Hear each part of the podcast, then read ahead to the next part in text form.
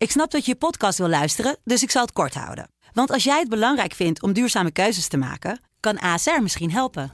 Nou hoor ik je denken, hoe dan? Nou, bijvoorbeeld bij het duurzaam herstellen van schade. Of de premies die we beleggen volgens ons duurzaam beleggingsbeleid. Dat bepaalt waar we wel en juist niet in investeren. Wil je meer weten over welke duurzame keuzes ASR maakt? Ga dan naar asr.nl slash duurzame keuzes. ASR doet het. Zo, dan kan je nu lekker naar je podcast luisteren. Dit programma wordt mede mogelijk gemaakt door Toto. Dit is de voetbalpodcast Kick-Off van De Telegraaf. Met chef voetbal Valentijn Driessen, Ajax-volger Mike Verwij en Pim CD. Daar zijn we dan weer met een nieuwe kick-off. We gaan volop door deze zomer. Er is ook eh, volop nieuws. Dus uh, afgelopen vrijdag nog een podcast opgenomen. En maandag zijn er over zoveel dingen gebeurd. Jullie gaan niet naar Rodos nog op vakantie de, de komende periode? Nee, ik ben wel uitgeblust. Maar ik ga, Ja. maar ik ga, niet, ik ga niet die kant op. Jongen, ik sprak net Mar- Marcel Vink. Hè, die is daar nu als verslaggever naartoe. Ja. dat is echt, eh, joh, die mensen die hebben hele nachten gelopen. Weg van de vuurzee. Aanbeland in hotels waar ze in lobby's hebben geslapen en zo. Eén grote ellende daar. Eén groot drama. En eh, ja, Corfu nu ook begonnen, hè? Ja. Maar ja, op andere delen van het eiland wordt nog eh, gewoon gefeest, begreep ik. Ja, nou ja, dat zei Marcel ook. Ja, daar, is dan ook niks, zeg maar. Hè. De brand is eh, Ja. verder vandaan. Dus jongeren die zijn daar gewoon nog het nachtleven aan het ontdekken. Maar- Terwijl aan de andere kant van het eiland de vuur om zich heen slaat. Er is een hoop vakantieleed, hè? Ik hoorde vanmorgen toevallig van mijn broer... die in Frankrijk op vakantie is en in een caravannetje zit... hoe een ander stel eh, zonder caravan zit. Meneer Confurius, die heeft een caravan achter zijn... of had een caravan achter zijn auto.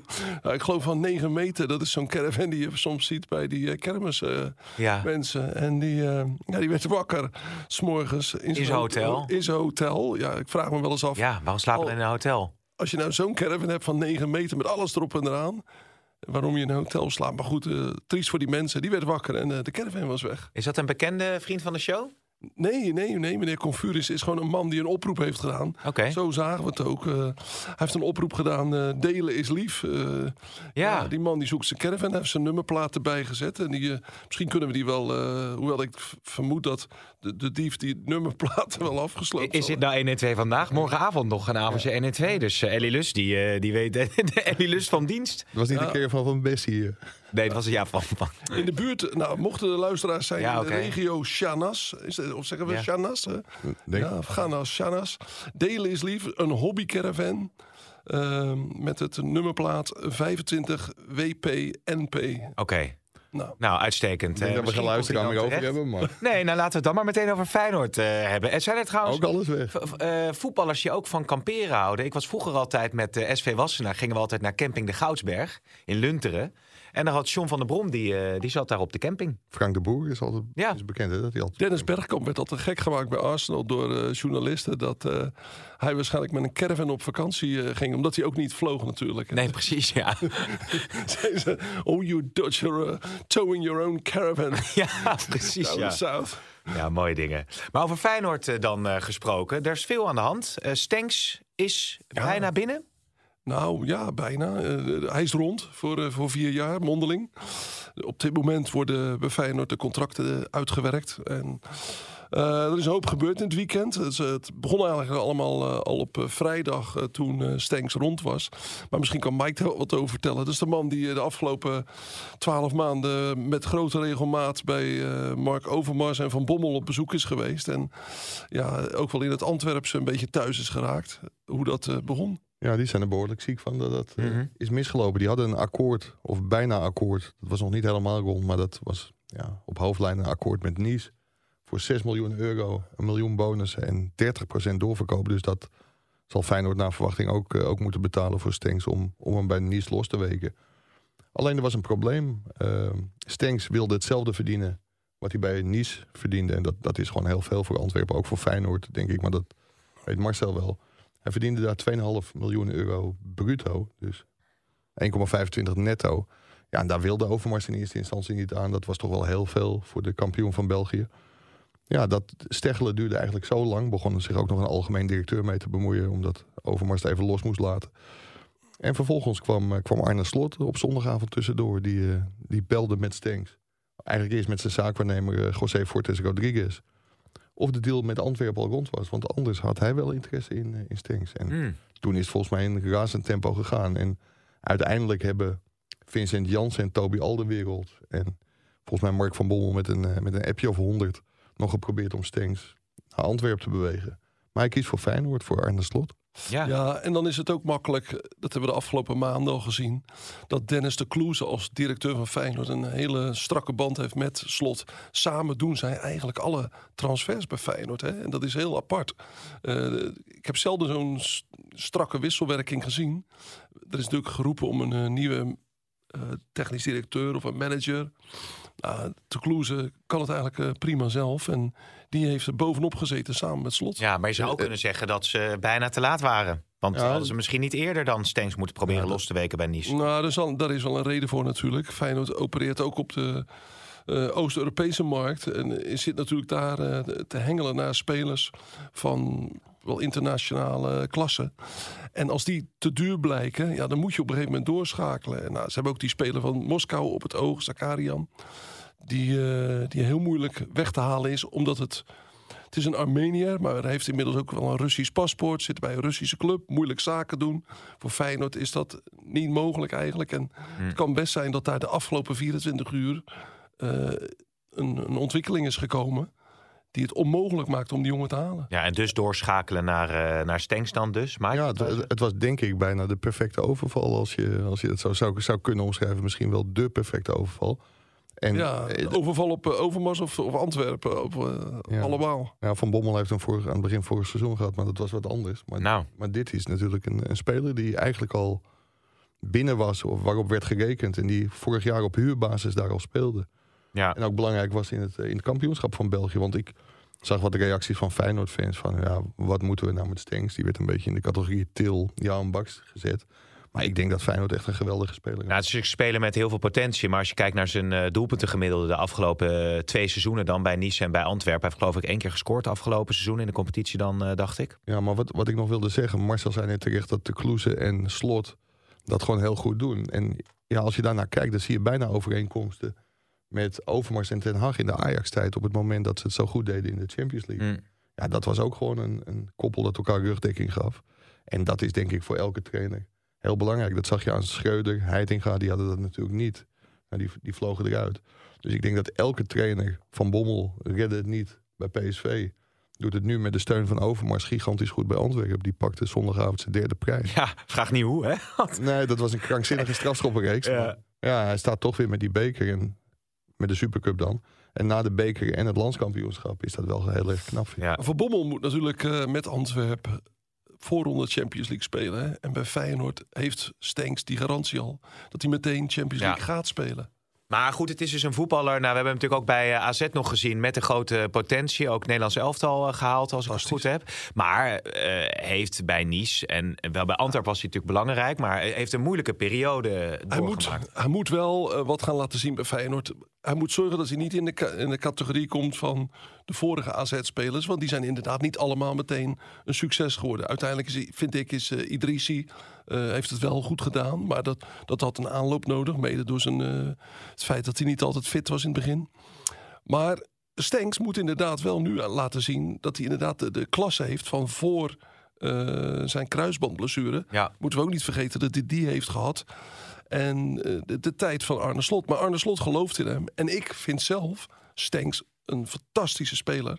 En als die op dezelfde fitheid wordt gebracht door Slot als de, de andere Feyenoorders het afgelopen jaar, dan denk ik dat Stenks goud waard wordt voor Feyenoord. Vooral omdat ik zaterdag heb gezien dat het elftal heel veel creativiteit mist. Ja. Wat ik wel riskant vind, ik snap het hè, dat hij voor Slot kiest, want onder Slot is hij ook tot bloei gekomen bij AZ. Heeft hij een schitterende transfer voor 15 miljoen naar Nice aan overgehouden. Alleen, ja, weet je, afhankelijk zijn van de trainer. Hoe lang zit Arne Slot nog bij Feyenoord? Je tekent voor vier jaar. Je hebt natuurlijk best kans dat Arne Slot na komend seizoen zeker als hij weer kampioen zou worden, zegt van ik ga verder kijken. Dus ik vind keuzes op basis van een trainer, ik heb er toch altijd wel wat moeite mee, maar ik, ik snap het wel dat, dat Stenks hiervoor kiest. Ja, het is in ieder geval een speler die Feyenoord op dat Champions League niveau uh, wellicht uh, kan gaan, uh, gaan helpen. Als Jiménez nog blijft, heb je al twee fantastische aanvallers staan. Hij stond weer op de voorpagina van alle kranten in, eh, in Portugal, geloof Ja. ik. eh. Ja, Ah, Hein zit toch zeker te juichen. Dat is onze vaste producer natuurlijk, die hier nu niet is. Maar ik denk dat Hein heel blij is. ja. Misschien moeten we een keer. Jiménez... eh, de oproep voor adverteerders voor Heinz Jingle... die heeft echt nul Hij reacties. heeft nul reacties eh, gehad, ja. ja, ja. Maar, maar jij, jij had het over de creativiteit eh, bij Feyenoord waar het nog aan ontbrak. Ja, ik heb zaterdag zitten kijken naar het middenveld met uh, Jurien Timber, eh, Mats Wiever en Saruki. Ja. Rami Saruki. Ja, heel veel van hetzelfde. Eh, allemaal goede balafpakkers en duiken overal tussen. Maar op een goed middenveld heb je een, een loper nodig. Eentje die in de 16 komt. Eentje die scorend vermogen heeft. En een hele creatieve speler. En dit was te veel van hetzelfde. En ik denk dat Arne Slot dat ook heeft gezien. Want het is natuurlijk geen toeval dat ze zondag, hè, de, de ochtend... eh, of misschien wel zelfs zaterdagavond... de koppen bij elkaar hebben gestoken. En eh, in actie zijn gekomen. Ja, laten we zo meteen. Er is echt eh, veel waar we nog over moeten doorpraten. Maar even over de eh, eh, regels en wetten van Roelof Hemmen doen we even een paar stellingen tussendoor. Zijn ook alweer zo leuk natuurlijk. Stengs wordt een hit in de kuip. Eens. Eens, Kudus vertrekt deze zomer bij Ajax. eens, Mm, oneens. Harry Kane blijft bij Tottenham. oneens, Oneens. En eh, Oranje Vrouwen kansloos tegen Amerika. oneens. Oké, ja, nee, dat was. Maar laten we, dat komt allemaal zo nog. Maar even door over Feyenoord. eh, eh, want er is veel hand. Danilo, Rangers. Ja, in eh, Schotland hebben ze natuurlijk ook de berichten gevolgd deze ochtend. wat er bij Feyenoord ge- gebeurt op het inkomende front. Als ze dan zien dat er een speler voor ongeveer exact hetzelfde bedrag wordt gekocht. waarvoor Danilo weg kan. Nou, die hebben al 1 en 1 is 2 gemaakt. De, vanmiddag staat het ontvangstcomité klaar voor eh, Danilo op de luchthaven van Glasgow. En of die zo snel al in het vliegtuig zit, weet ik niet. Maar die zijn er heel blij mee. En ja, waar, waar, waarom zijn ze zo blij? Ze kijken naar zijn statistieken. Jij begon net over die statistieken van Stenks. Ja. En Die zijn van Danilo niet verkeerd. Die is eh, elke om de andere wedstrijd betrokken bij een goal. En, eh, of een assist of een, een goal. En in de speeltijd die hij heeft gehad, heeft hij het niet slecht gedaan. Nee, is wel een mooie springplank dan geweest, eh, Mike, hè, voor Danilo. Bij Ajax natuurlijk naar Feyenoord eh, opgepikt. En nu toch, ja, het is gewoon een hele mooie club, Rangers. om, Ja, ook een heel goed huurseizoen bij Twente gehad. Ja. Bij Ajax heeft hij het eigenlijk nooit kunnen doen. Ze vonden het wel heel erg zonde dat hij ervoor koos om transfervrij eh, weg te gaan naar Feyenoord. Ja, en dat heeft Feyenoord natuurlijk goed gezien. Hij, Ja. hij is en nuttig geweest en levert een mooi bedrag op. En Hey. levert wat op, hè, nu, ja. Nee, zeker. Dat hebben ze goed gedaan. En eh, hoe lang gaat Stenks trouwens tekenen? Want daar las ik ook iets van in de krant eh, vandaag. Ja, vier, vier jaar is Vier jaar dus. het, eh, Oké. Ja, de, de, de verwachting is dat hij vier jaar tekent. Ja. Omdat hij, hij had min of meer een akkoord met Antwerpen voor vier jaar. En Feyenoord heeft gezegd van wij betalen wel wat je bij Nice zou krijgen. Ja. En dan voor die vier jaar. Jan Wordt leuk in de kleedkamer, hè? Daar straks. hoezo? Nou ja, ze hebben allemaal zitten lezen wat die jongen bij het Antwerpen kon verdienen. Oh, ja.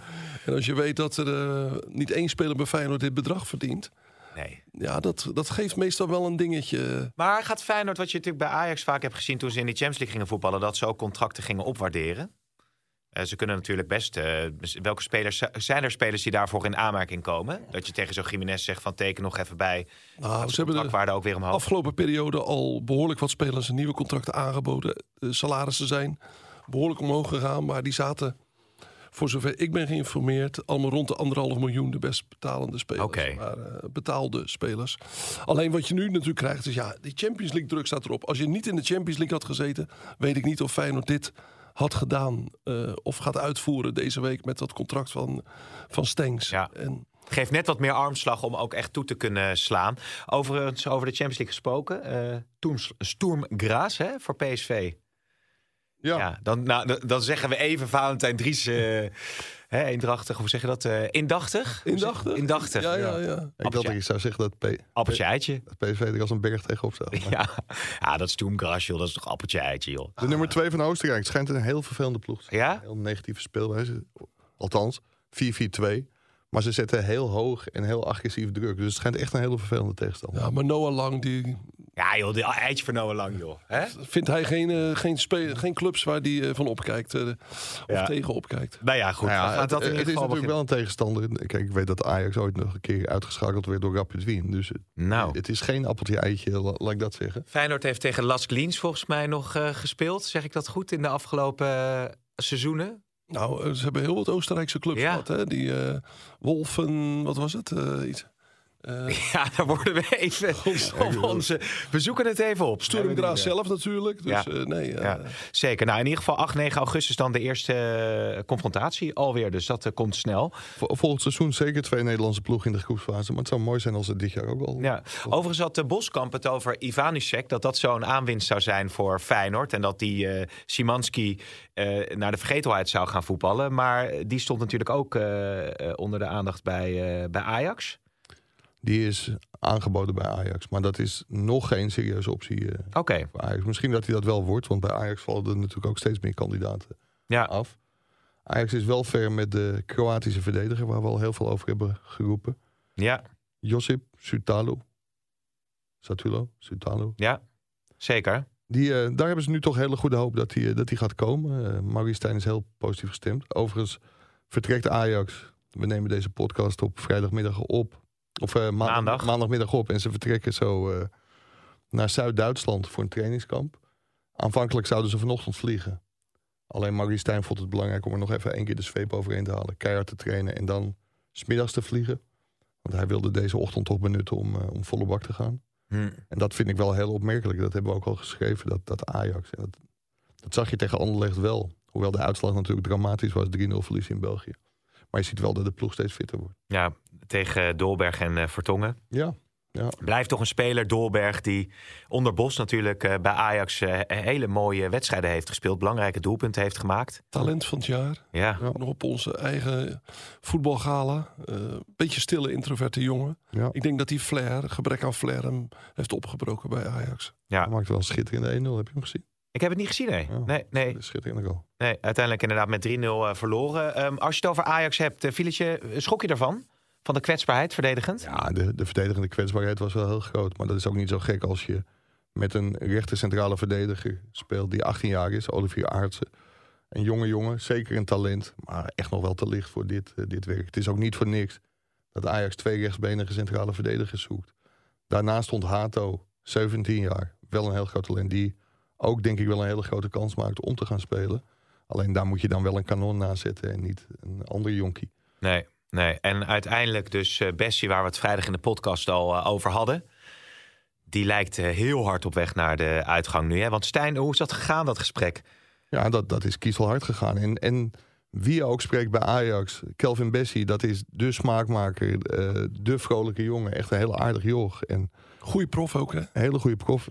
Slaat geen training over, geeft altijd alles. En die wilde heel graag bij Ajax blijven. Alleen er is daar in het hotel, en daar spreken sommige mensen ook wel schande van, echt op niet mis te verstaande wijze gezegd dat hij gewoon moet vertrekken. Want ze willen die 21 miljoen voor hem hebben. Ze hebben vorig jaar aan Rangers 23 miljoen betaald. En ze denken dat ze dat bedrag anders misschien nooit meer krijgen. Maar dat, dat is wel keihard bij hem aangekomen. Die jongen is ook heel erg van slag. Want die wordt echt naar de uitgang geduwd. Terwijl hij wilde blijven. Hij heeft ook gewoon een contract. Maar dat... eh, ja, Maar, maar je zegt schande. Kijk, op een gegeven moment als, als je weet dat zo'n speler je misschien niet verder gaat brengen... dan is het ook maar beter om die boodschap eh, direct eh, te brengen, toch? dat is waar. Alleen vaak is het de omgekeerde weg die wordt bewandeld. En polst Fulham of Bessie een transfer naar de Premier League ziet zitten... of naar Fulham ziet zitten. Ajax zegt ook van, nou ja, we kunnen in gesprek met Fulham. Wat vind je daarvan? En als hij dan zegt nee, ja, dan houdt het meestal op. Alleen dit is andersom gegaan. Ajax en Fulham zijn eruit gekomen. En daarna is hij eh, echt naar de uitgang geduwd. Misschien eh, moet Maurice Stijn eens met eh, Erik ten Hag gaan praten. Hoe, hoe je een speler eh, naar de uitgang kunt duwen. Hè? Want dan krijgt hij niet voor elkaar met Maguire. Nee. Die, eh, die probeert hij al heel lang te lozen, Erik. En dan Ja. wordt hij, Maar ja, wat verdient Maguire bij eh Man United? Ja, Ik het, denk ook het zal met tijd wel duren. die verdient 200.000 pond per week. Ja. Maar Is daar veel interesse in eigenlijk? Het, het, het- nou, er is wel interesse, maar niemand wil zijn salaris overnemen. Ik las eh, toevallig in de Engelse kranten van eh, eh, meneer Dunn. Dat is een, een leuke, een soort Valentijn Driessen van, van de Engelse media. Die Ja. had een heel aardig rekensommetje gemaakt. Als Maguire nog twee jaar blijft zitten en zijn salaris blijft opstrijken... en dat wil hij op dit moment wel doen, want hij weigert mee te werken aan een transfer... dan heeft hij met zijn transfersom en zijn salaris in de hele periode dat hij bij United was in zijn contract 170 miljoen euro gekost. dat is echt niet te geloven. Hè? Ja. Ja, die jongen zegt gewoon: ik verdien hier 2 ton en als ik ergens anders eh, 80.000 ga verdienen per week, hè? Ja, nee, zeker. week. Hij zegt, ja, dan, eh, dat ga ik niet doen. Ik blijf gewoon zitten. En hij zegt: als ik naar een andere club ga, dan wil ik ook mijn het salaris wat ik nog te goed heb. Dus het is niet zo dat, dat hij wil gaan en dat eh, Ja. daar, daar 80.000 verdient en United 120 aanvult. Nee, hij wil het volledig hebben. Maar ja, het is gewoon het contract natuurlijk hè, wat hij heeft getekend. Ik moet denken aan Winston Bogarde toen de tijd nog bij Chelsea. Die zat toen ook al lang niet meer bij de selectie. En die bleef daar ook nog heel lang voetballen. Die vloog, die vloog elke ochtend vanuit Amsterdam naar Londen om te gaan trainen. Dat is Ja. wel een goed contract dat. Ja, hè, die, die ging met het vliegtuig. Ja. Ja. die, om, die moest zich om half elf eh, melden. En dan om zeven uur het vliegtuig. Ging dan vervolgens een uur rondjes lopen. En, eh, En dan in huis. maar dat, net dat Cobham kwam daar wel eens. Dat trainingsveld zit naast Heathrow. Dat, dus dat was wel makkelijk voor hem. Dus, eh, Winston, Tom Winst, hè, was toen die reclame ook nog. Maar jij wou nog, eh, nog wat zeggen, Nou Mark. ja, dat het Marie Stijn zelfs lukt om spelers naar de uitgang te duwen... waarvan hij helemaal niet wil dat ze naar de uitgang eh, gaan. En, en daar verbaas ik me wel over. Er zijn tegenwoordig heel veel voetbalsites. En waren ook best wel veel journalisten bij die wedstrijd Anderlecht-Ajax. En na afloop hebben we 16 minuten met, met Stijn staan praten. Ik moet zeggen, hij geeft overal antwoord op. Mhm. Is ontzettend eerlijk. Ook op de vraag van, ja, je wil Bessie toch gewoon weg hebben... want je wil die 21 miljoen eh, kunnen, kunnen besteden. Toen zei hij ja. Maar daar werd dus ook heel kort over ehm Annas eh Salahedin gesproken. En over Owen Wijndal. Ja. En vervolgens, tot mijn verbazing, zag ik overal de koppen van... eh, Stijn eh, ziet het niet zitten in Wijndal en Salahedin. Absoluut niet gezegd. Ik heb het ook voor de zekerheid nog even aan Stijn nagevraagd. Maar hij ziet het wel degelijk in die spelers Het zitten. was heel opmerkelijk, hè? Want dan heb je twee linker eh, vleugelverdedigers. En dan zouden ze allebei niet goed genoeg zijn. Waardoor je daar ook nog versterking moet zoeken. Er werd gezegd, en dat was in een heel andere context, ging over Bessie, dat er misschien dan nog wel een linker centrale, maar misschien ook wel een linksback bij zou komen. Ja, en kennelijk hebben mensen daar een, een soort optelsommetje van gemaakt. Oké. Groepen Wijndal en Salah die zijn niet goed genoeg. Maar dat vindt hij wel degelijk. En ik, ik moet zeggen, ik vond Salah Eddin, natuurlijk is het allemaal onwennig en nog niet het Ajax-niveau. Die vond ik zeker de eerste helft niet, niet eens zo heel beroerd. Maar het is natuurlijk van de gekke dat Stijn dat gesprek heeft moeten voeren. Hè? Dat is een taak van Sven Mislintat, de nieuwe technisch directeur. Die was, die- er, was er ook bij. hè? Ja, maar die, die moet dat alleen doen. Eh, die moet niet een trainer daarmee. Die trainer moet werken met de spelers die hij krijgt toegewezen. En die kan best overleggen, maar die moet niet eh exit-gesprekken gaan voeren. Dat moet een eh, technisch directeur doen. Maar zit hij al met zijn handen in het haar, Stijn, dan? Of is er wel eh, vertrouwen? Ja, nee, dit is niet Erik Ja, ten Hag. Hè? ja, hij ik heeft wilde nog net zeker haar. zeggen, Na, na alle trainers die Ajax heeft Ja. gehad, dat waren echt, dat was ook een grap, echt een, een rijtje trainers, die waren gewoon allemaal kaal. Nu hebben we eindelijk weer een trainer die met de hand in het haar zitten. Ja, Dat precies. is- Maar het, het, het straalt wel een bepaalde ja, wanhoop uit als een coach tegen journalisten gewoon moet aangeven, toch redelijk kort voor de start van het seizoen, van ja jongens, er moet nu echt wel wat bij. Want anders. En soms heb je wel het idee dat trainers dat ook doen om een beetje de, de poor erop te doen. Maar hier is het gewoon echt keihard nodig. Ja, Ajax heeft vervolgens hem echt drie of vier spelers nodig om mee te doen om het kampioenschap. En ja, als Kudus, Kudus Alvarez vertrekken, Bessie weggaat, ja, dan moeten dat er misschien nog wel, eh, wel veel meer worden. En het schiet nog niet echt op eh, met Mislintat op de transfermarkt. Nee, en eh, ja, Kudus, dat, dus Chelsea. Zag ik eh, voorbij komen op de Britse media. Ja, maar op dit moment is er gewoon even wat minder beweging eh, rond de, de spelers van Ajax. Zie je ook met Alvarez. Hè, eh, het, het komt nog niet af. Iedereen gaat wachten. Iedereen weet dat er nood is om eh, te verkopen. En eh, dan wacht men tot het eind van de transfermarkt. Ja, maar Kudus wil wel echt weg, hè? Ja, Marie Stijn heeft met hem gesproken. En eerder hebben we ook al geschreven dat misschien wel de grootste winst voor Steen- Stijn zou zijn het behouden van Kudus. Maar Kudus heeft gewoon heel expliciet gezegd dat hij weg wil na dit seizoen. Hm. Dat hij net als al, of een- heel veel van zijn voorgangers, gewoon een eh, hele mooie transfer wil maken. Ja, ja. Ik hoor wel dat eh, bij Ajax eh, niet alleen Sven Mislintat een grote rol speelt, maar ook Vlado Lemic, hè, de, eh, de man die in het verleden bij PSV nou, eigenlijk is buiten gezet. En een keer die ruzie had met eh, Jan Reker, laat weer terugkwam. Die zit altijd wel weer tussen allerlei bijzondere transfers. We hebben vorig jaar de situatie gehad met, eh, met Milos eh Malenovic. Malenovic, ja. Die, die het- verwijt kreeg dat hij zich te veel bemoeide met transfers. En nu eh, begrijp ik dat Vlado Lemic toch ook wel een flinke vinger in de pap heeft bij Ajax. Ja, zeker. Is Pertjan ook een speler die onder Lemic valt dan bijvoorbeeld? Nee, maar daar vind, vind ik ook wel iets van. Ik, Nou, die zit er wel tussen, geloof ik. bij Spetjan? Hij heeft uh, Tahirovic heeft hij in ieder geval binnengebracht. Ja, hoe speelde die tegen Anderlecht? Redelijk. Mhm. Je ziet wel dat het een aardige voetballer is, maar nog jong en licht. Dus ja, als je nu alleen maar spelers koopt die er over een paar jaar staan, dan... eh, Ja, maar wat wou jij zeggen over die Spertjan? Ja, dat dat, dat wel. eh, ja, ik, ik vind dat discutabel. Ajax is natuurlijk een beursgenoteerd bedrijf. En Ajax gaat er altijd prat op dat ze enorm hoge standaard hebben qua normen en waarden. Ik vraag me echt af of, of je als Nederlandse club zaken moet doen met Krasnodar. Want Ajax is een bedrijf. Dat- Oh ja. Het is natuurlijk ook een voetbalclub, maar een beur- beursgenoteerd bedrijf. En ik vind het heel gek dat Ajax eh, zaken doet met een Russische club.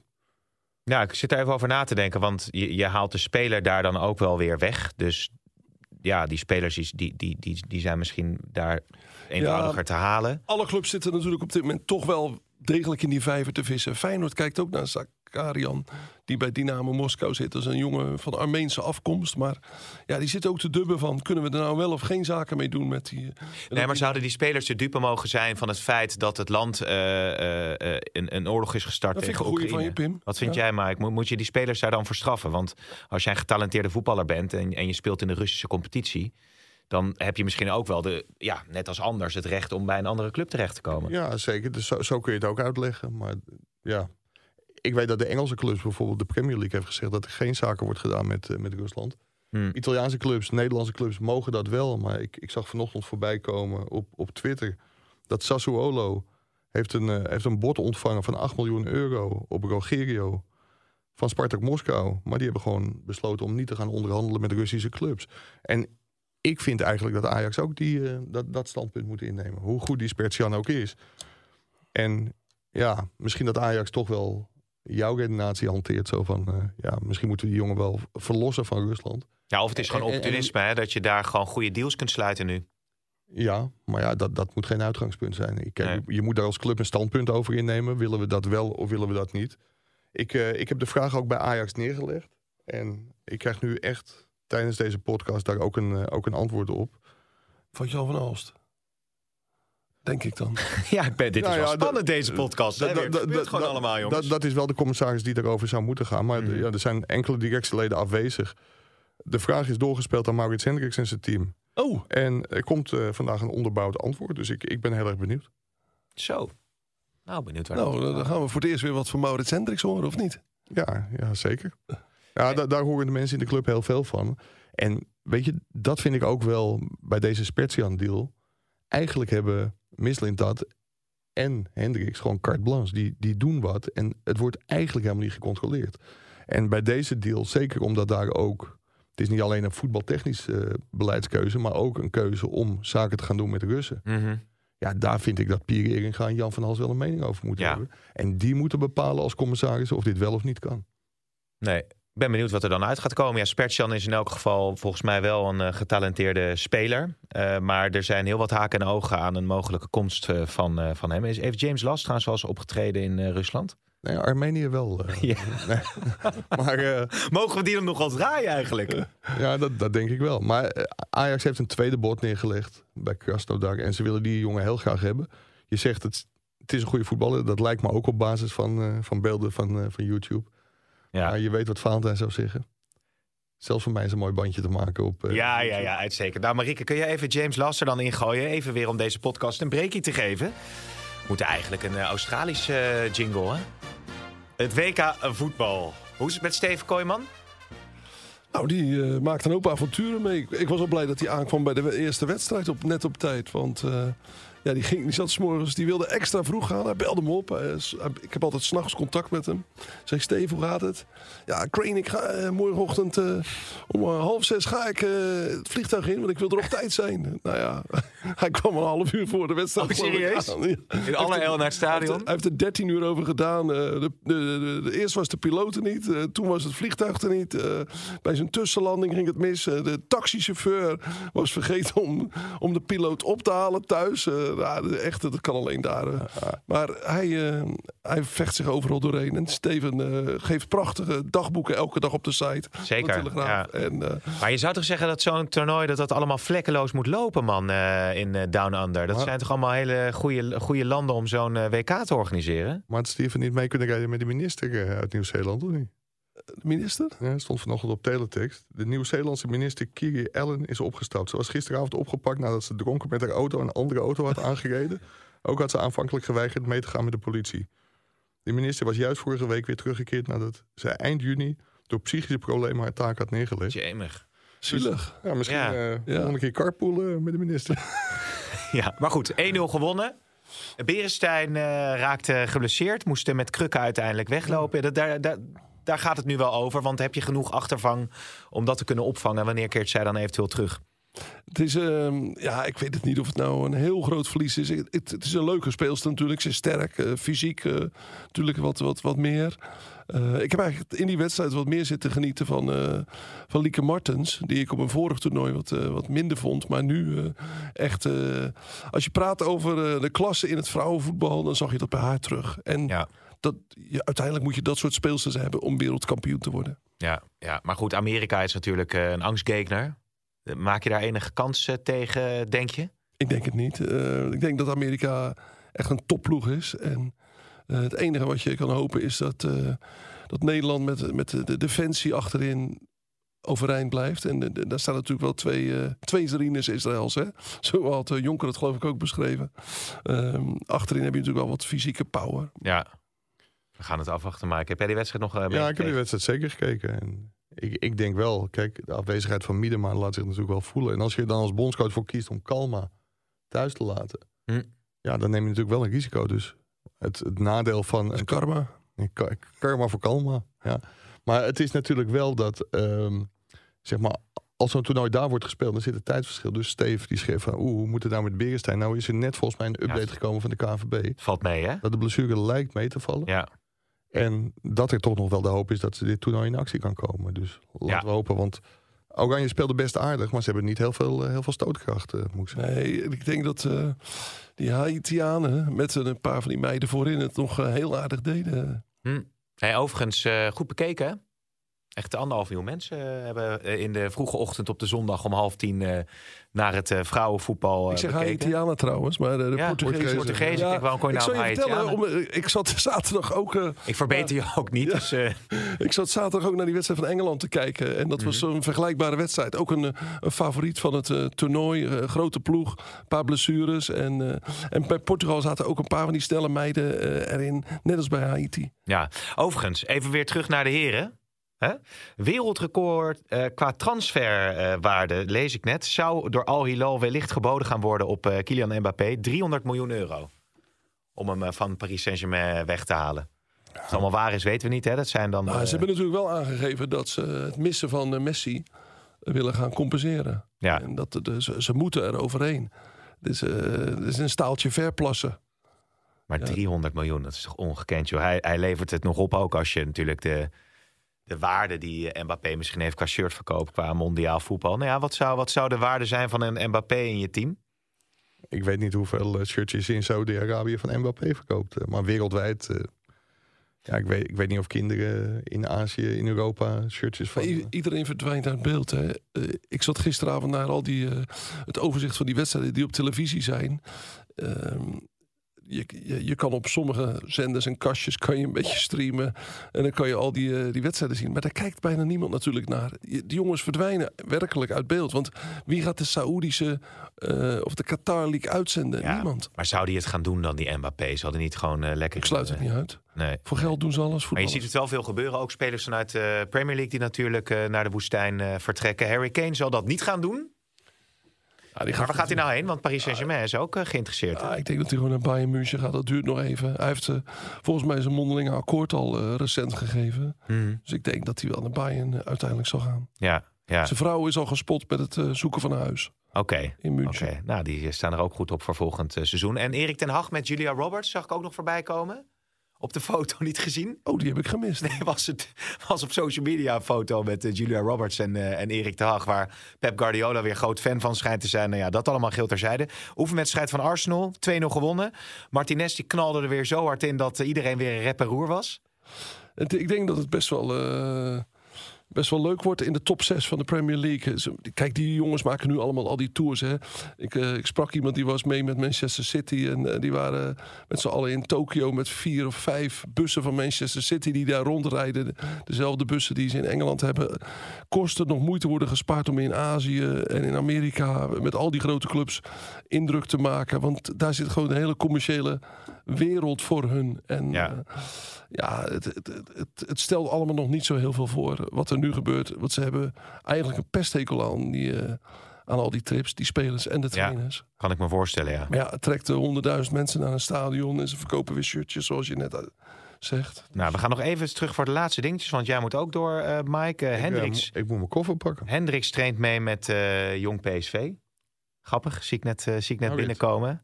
Niet Maurits Hendricks, nee. Jorrit, Jorrit Hendricks eh, uiteraard. Ueda nog even, want dat zag ik wel eh, staan in de media. Dat is die aanvaller, Japanse aanvaller van Cercle Brugge. Overigens wel hele mooie statistieken afgelopen seizoen. Staat hij nog op de shortlist daar in, eh in Nou, de Feyenoord heeft, eh, ik geloof voor de spitspositie zeven namen staan. En Mhm. eh, hij, hij behoort daar ook toe. Ja, ja, en Karel Eiting die heeft zich ziek gemeld. Ja, en de trainer van Volendam, die verwacht hem morgen weer op het trainingsveld. Oké. Verwacht. Ja. Die heeft met hem gesproken. En die zegt dat hij dinsdag weer zou komen. Ik vind het ook heel, eh, helemaal niet bij Karel Eiting passen om zich ziek te melden. Nee. Volgens mij een hele correcte jongen. Dus ik, eh, ik denk ga gewoon trainen en wacht af of de clubs eruit komen. Maar het is wel echt, echt een grote stap omhoog als je van Volendam naar Twente kan natuurlijk, hè? Het, scheelt een plaats of eh, tien in de competitie, denk ik. Ja, nou ja, ook tussen degradatie. Zijn- zijn eh, grotere stappen. Of, eh, of Europees voetbal. Voordat je je tandenborstel eh, gaat inpakken, heb je nog laatste andere zaken die je met de luisteraars wilt delen? Nee, weinig. Oké. Ja. Nou, dan eh, zeg ik, eh, zijn we er vrijdag weer. Ik ga naar Duitsland. Ja. Wat zou er allemaal in die caravan hebben gezeten van die man die die kwijt is? Hè? Ja. Een hoop weg, denk ik. Ja, ik denk het ook. Ja, sneu verhaal, maar we hebben de oproep gedaan. dus bij deze zeg ik tot de volgende. Dit programma werd mede mogelijk gemaakt door Toto.